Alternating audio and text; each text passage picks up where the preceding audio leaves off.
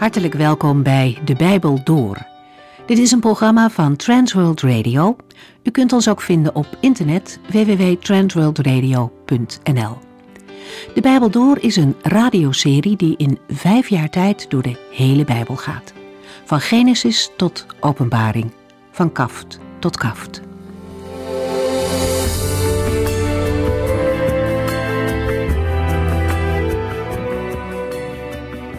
Gaan vandaag weer verder met de uitleg bij het Bijbelboek Hooglied. In hoofdstuk 1 komt als eerste de vrouw aan het woord. Zij is op zoek naar de koning en vertelt hoe ze er naar uitkijkt om bij hem te zijn. Als je niet weet waar ik wijd, volg dan de sporen van de schapen. Dat is het antwoord dat ze krijgt. In vergelijking met schapen en een herder komt veel voor in de Bijbel. De Heer Jezus noemt zichzelf de goede herder die alles over heeft voor zijn mensen, of, om bij het beeld te blijven, zijn schapen. Net als de bruid in Hooglied 1 kunnen wij ernaar uitkijken om dicht bij de Heer Jezus te zijn. Niet op afstand van Hem te leven, maar Zijn nabijheid te ervaren in ons leven. En soms kan het wel eens moeilijk zijn om die weg te vinden. Het advies uit Hooglied mogen we dan ook opvolgen. Jij bent de mooiste van alle vrouwen en als je niet weet waar ik wijd, volg dan gewoon het spoor van de kudde. Dus wie het spoor een beetje bijster is, mag andere christenen volgen. We staan er niet alleen voor. De Heere God heeft medebroeders en zusters aan elkaar gegeven, ook om samen de weg door het leven te vinden, achter hem aan. En net zoals de bruidegom in Hooglied zijn bruid het mooiste vindt, zo bent u kostbaar in de ogen van God. Wie de weg kwijt is, hoeft niet bang te zijn dat de Heere vol verwijten klaarstaat. Het eerste waar Hij u tegemoet komt, is met zijn liefde. En vervolgens wil Hij u graag weer het juiste spoor wijzen. Om nog even verder te denken over dit beeld, misschien is het ook goed om om u heen te kijken. Misschien zijn er mensen in uw omgeving of misschien wel in de kerk die het spoor wat bijster raken, die het zicht op de Heer Jezus verliezen. En wat kan het dan goed zijn om een hand uit te steken en die ander mee te nemen, onderweg naar de herder. We lezen nu de laatste verse van Hooglied 1.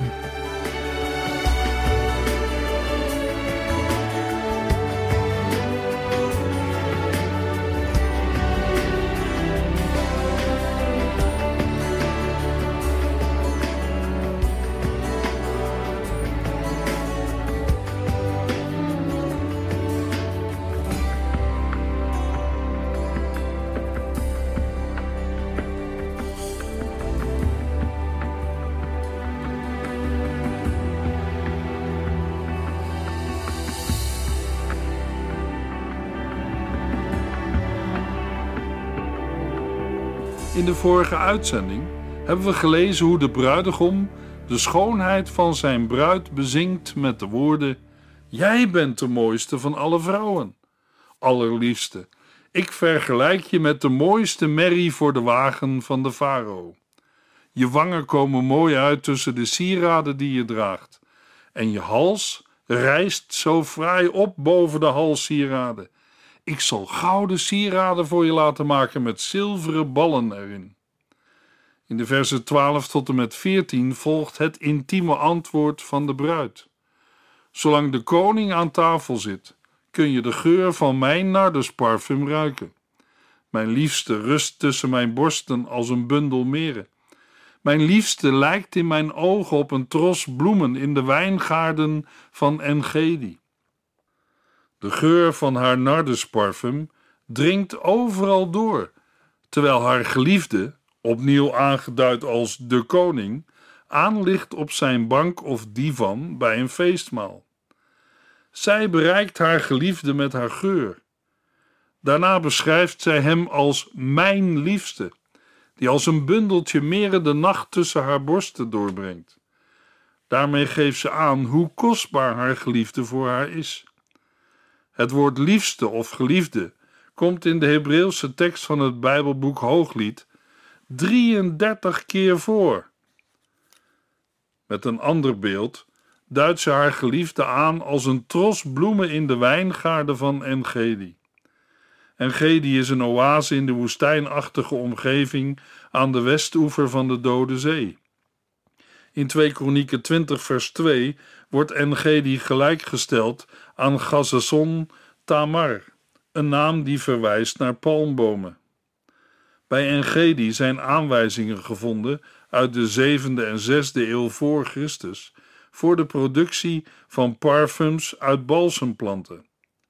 De bruid laat door de verwijzing naar Engedi uitkomen dat de geur functioneert als symbool voor haar aanwezigheid en haar liefde, als ook de aanwezigheid van haar geliefde.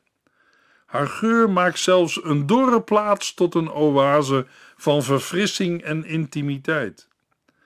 Engedi is in de Bijbelse geschiedenis een historische plaats.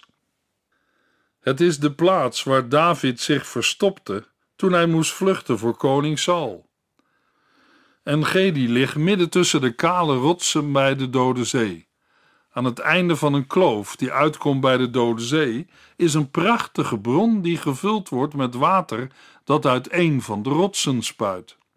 De bron vormt een meertje, waarvan het overstromende water via een beekje in de Dode Zee terechtkomt. Door het water groeien er langs de kant prachtige struiken, bloemen en bomen. Nadat de bruid haar liefde voor de bruidegom heeft uitgesproken, antwoordt hij met de woorden van Hooglied 1, vers 15. Wat vind ik je mooi, mijn allerliefste. Je bent zo mooi, je ogen zijn zo teer als duiven. In vers 9 bracht de bruidegom de schoonheid van zijn geliefde onder woorden, en zij reageert zowel op zijn persoon als op de omgeving waar ze samen zijn. Op de lovende woorden van zijn bruid reageert de bruidegom in vers 15 met de woorden: Wat vind ik je mooi, mijn allerliefste. Hij bewondert haar mooie ogen en vergelijkt ze met de opvallende ogen van duiven. De bruidegom noemt vaker de ogen van de bruid.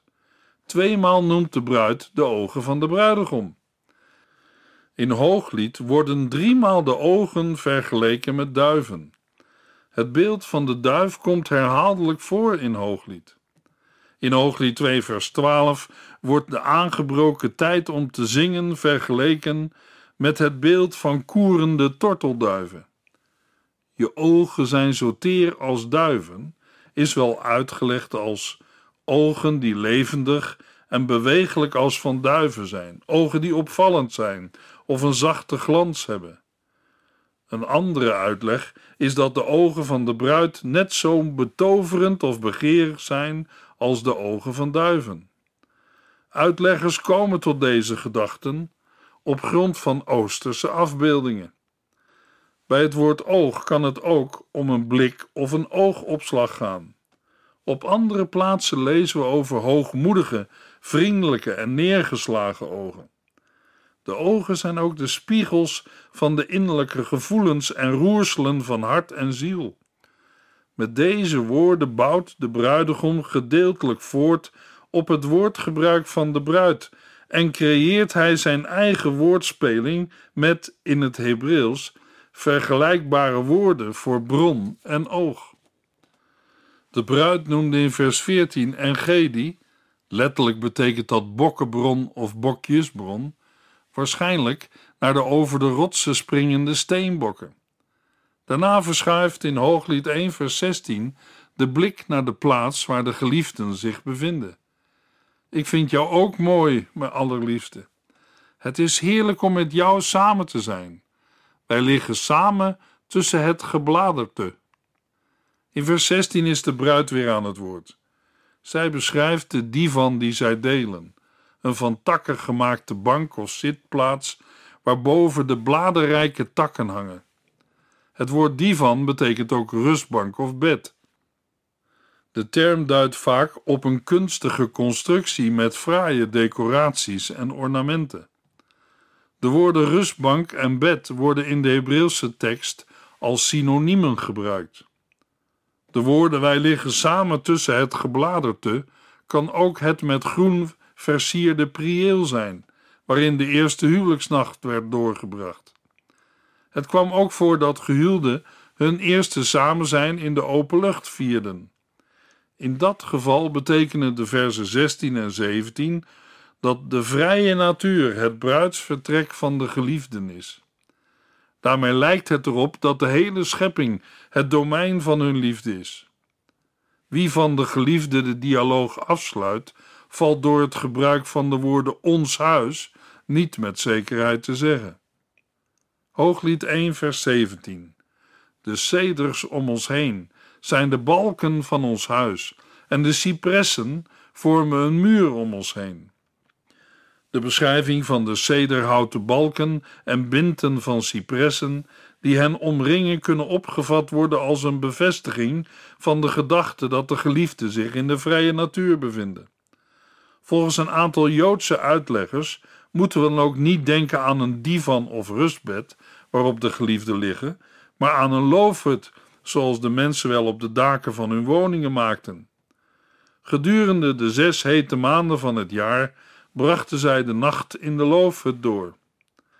Aan de andere kant kan de beschrijving van de materialen ook heel goed betrekking hebben op een paleis. Ons huis staat dan ook voor de verschillende vertrekken of afdelingen van het huis of het paleis.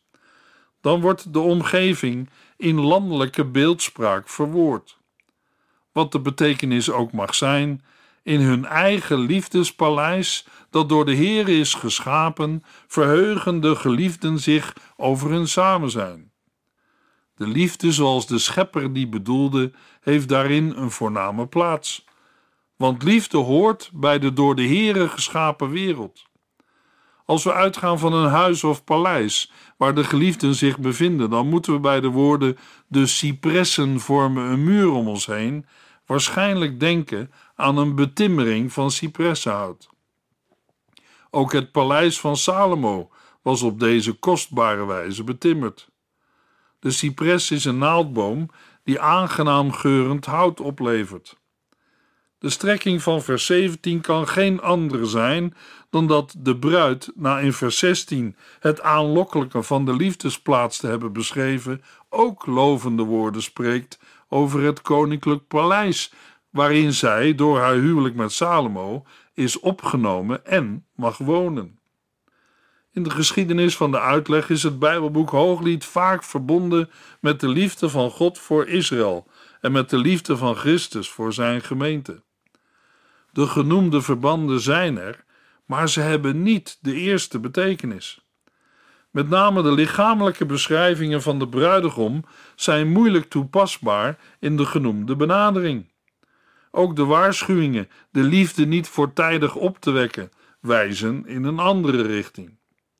Het huwelijk is door God ingesteld voor mensen die naar zijn beeld zijn geschapen.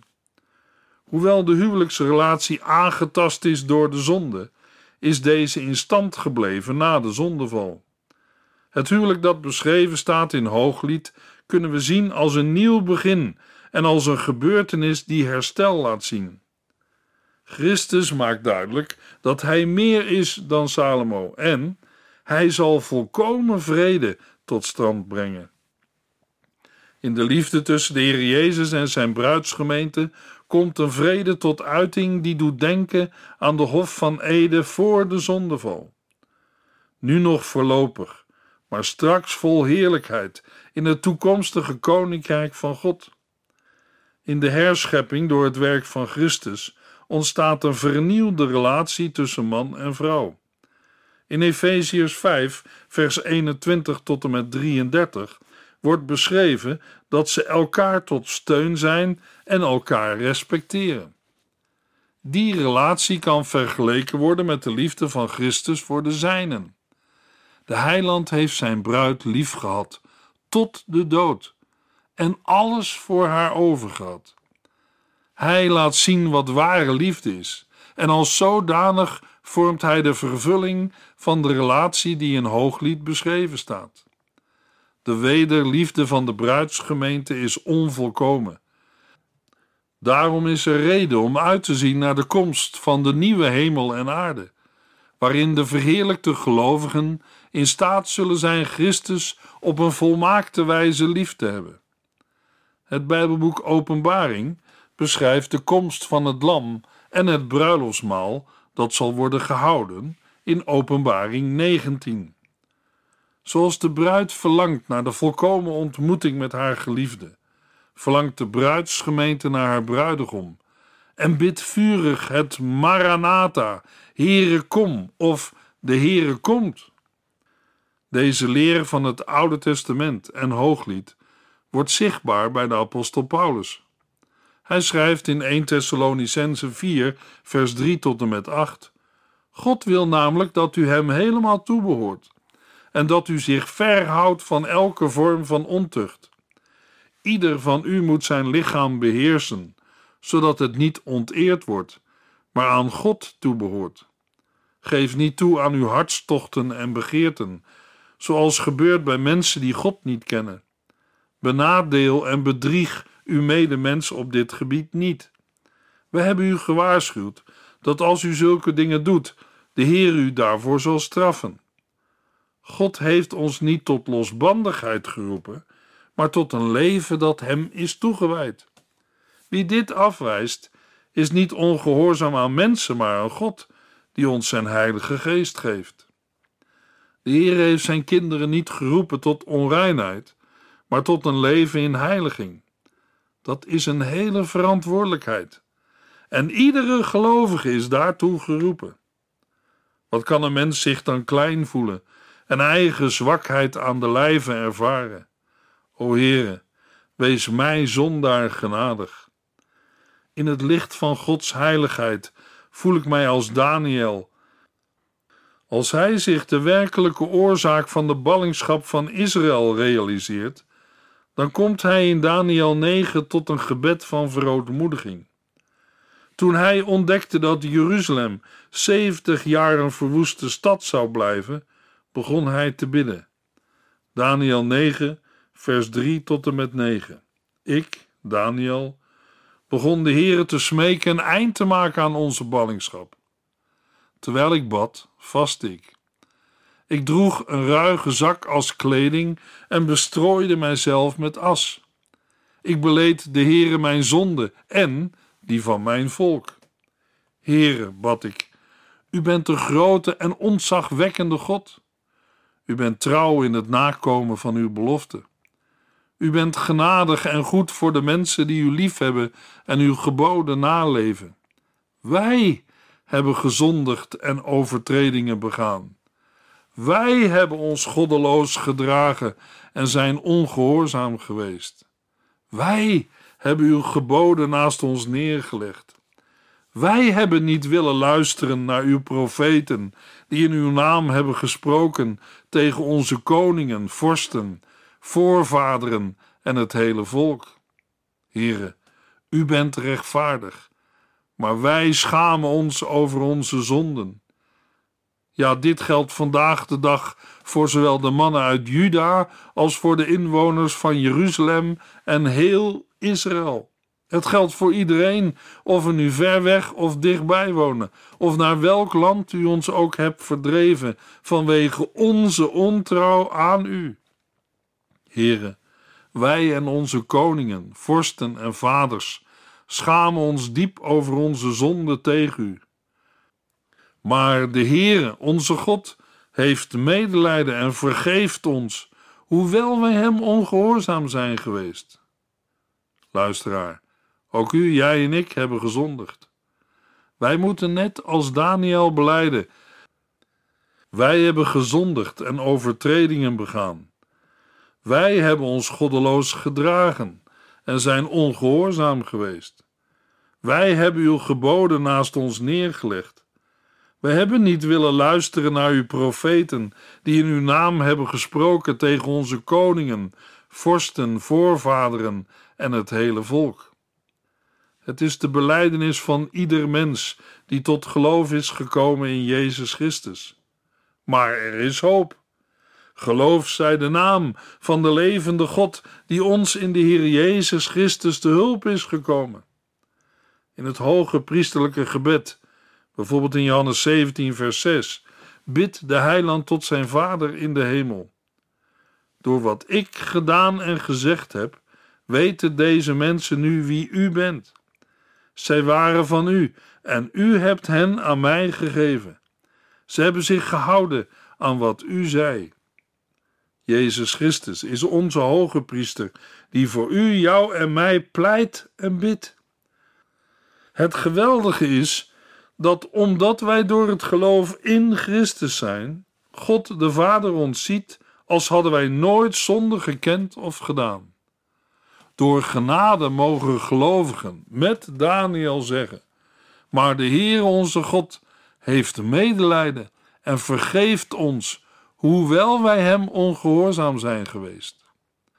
Als ergens de zonde in mensenlevens welig tiert, dan is het op het gebied van relaties en seksualiteit. Veel mensen zien Gods woorden, geboden en wetten als een beknotting van hun leven en mogelijkheden. Maar zij vergissen zich. Ze kennen de Heer niet en hebben geen weet van de werkelijke reden waartoe Hij zijn woord, geboden en wetten heeft gegeven. Bij al Gods woorden, leefregels, waarschuwingen en verboden klinkt steeds weer het waarom en waartoe. Zijn woorden moeten worden gehoorzaamd, opdat het u welga in het land dat de Heer uw God u geven zal. Dat is geen beknotting van persoonlijke vrijheden, maar echt leven. Dat is wat de Heer graag wil: dat u, jij en ik echt leven, zoals Hij het heeft bedoeld. Waar denkt u dat de mens terechtkomt die niets of weinig met de Heer te maken wil hebben?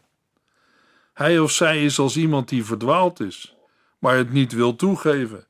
Zo iemand heeft een gids nodig die hem of haar de weg wijst. Daar komt nog bij: als iemand de weg wordt gewezen, maar hij of zij kiest een andere weg, onder het motto: er zijn vele wegen die naar Rome leiden, dan moet je niet achteraf de gids of degene die je de weg wees de schuld geven dat je niet op je bestemming bent aangekomen, want dat is je eigen schuld en het gevolg van de gemaakte keuze. Ik besluit deze uitzending met een gebeurtenis uit het leven van Corrie ten Boom. Een deel van haar leven bracht zij door in een concentratiekamp. In een grote huurkazerne waar veel gezinnen woonden, stond in de kelder een oude kapotte harp. De mensen hadden dikwijls geprobeerd hem te repareren en te bespelen, maar het was niemand ooit gelukt. Op een dag kwam er een bedelaar langs en vroeg onderdak. Er was alleen in de kelder nog een hoekje waar hij die nacht kon slapen. Laat in de avond hoorden de mensen vanuit de kelder de tonen van mooie muziek. Ze vonden de bedelaar spelend op de harp en ze vroegen: Hoe komt het dat u die harp kunt repareren en er zo mooi op kunt spelen? Zijn antwoord was: Ik heb deze harp zelf gemaakt. Toen ik jong was, heb ik veel harpen gemaakt. Ook deze komt uit mijn handen. Zou ik dan wat ik zelf gemaakt heb niet kunnen repareren? In Johannes 1, vers 10 staat over de Heer Jezus: Het woord kwam in de wereld en heeft de wereld gemaakt. Wij zijn het maaksel van zijn handen. Soms kan ik zo wanhopig zijn als ik probeer mezelf te veranderen en op te lappen. Het lukt mij niet. En het zal ook nooit lukken. Maar als ik mij overgeef aan Hem die mij gemaakt heeft, dan beleef ik wonderen. Spurgeon heeft eens gezegd: Wat een voorrecht het is te weten dat ik een veld ben onder hemelse bewerking.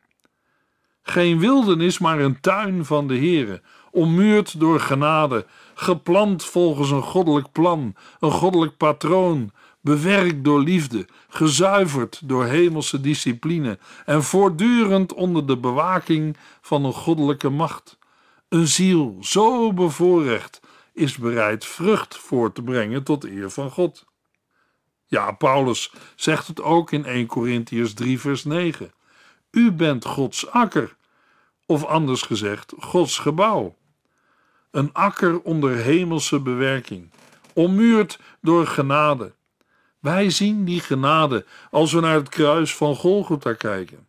Daar droeg Gods Zoon de zonde van de hele wereld ook uw, jouw en mijn zonde. Maar we zien zijn genade ook als we naar zijn lege graf kijken.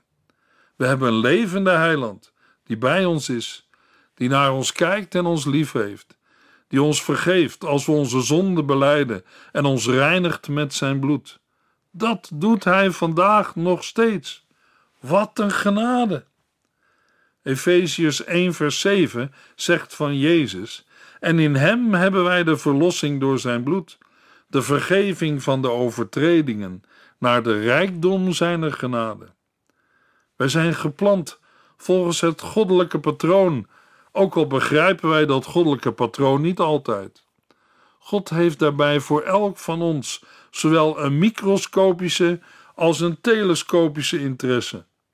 De haren van ons hoofd zijn geteld, maar ook het heelal is in zijn hand. Ja, ons leven is als een tuin van de Heere, ommuurd door genade, bewerkt door liefde, gezuiverd door hemelse discipline. De zonde staat tussen ons en God in, zoals het onkruid dat de groei van planten en bloemen lelijk in de weg staat. God zelf zuivert ons, trekt het onkruid eruit en zeker, dat kunnen zware tijden zijn in je leven. Ik was in een gevangenis, heel alleen in een cel, vier maanden lang. Dat was een zware tijd. Ik dacht, er blijft niets van mij over. Ik was wanhopig, maar ineens zag ik Gods kant. Ik zag mezelf als een veld dat omgeploegd werd en gezuiverd werd. Daarna schreef ik in een brief het volgende: Ik heb me wonderwel aangepast aan het zo eenzame leven, maar samen met God. Ik spreek veel met mijn heiland en krijg dieper inzicht in tijd en eeuwigheid. Ik ben bereid om voor leven en sterven ontbonden en met Christus te zijn. Dat is het beste. Maar het leven hier met Hem trekt mij ook aan en ik verlang naar actie. Ja, ons leven is als een tuin van de Heere, ommuurd door genade, bewerkt door liefde, gezuiverd door hemelse discipline. In de volgende uitzending lezen we Hooglied 2, vers 1 tot en met 7.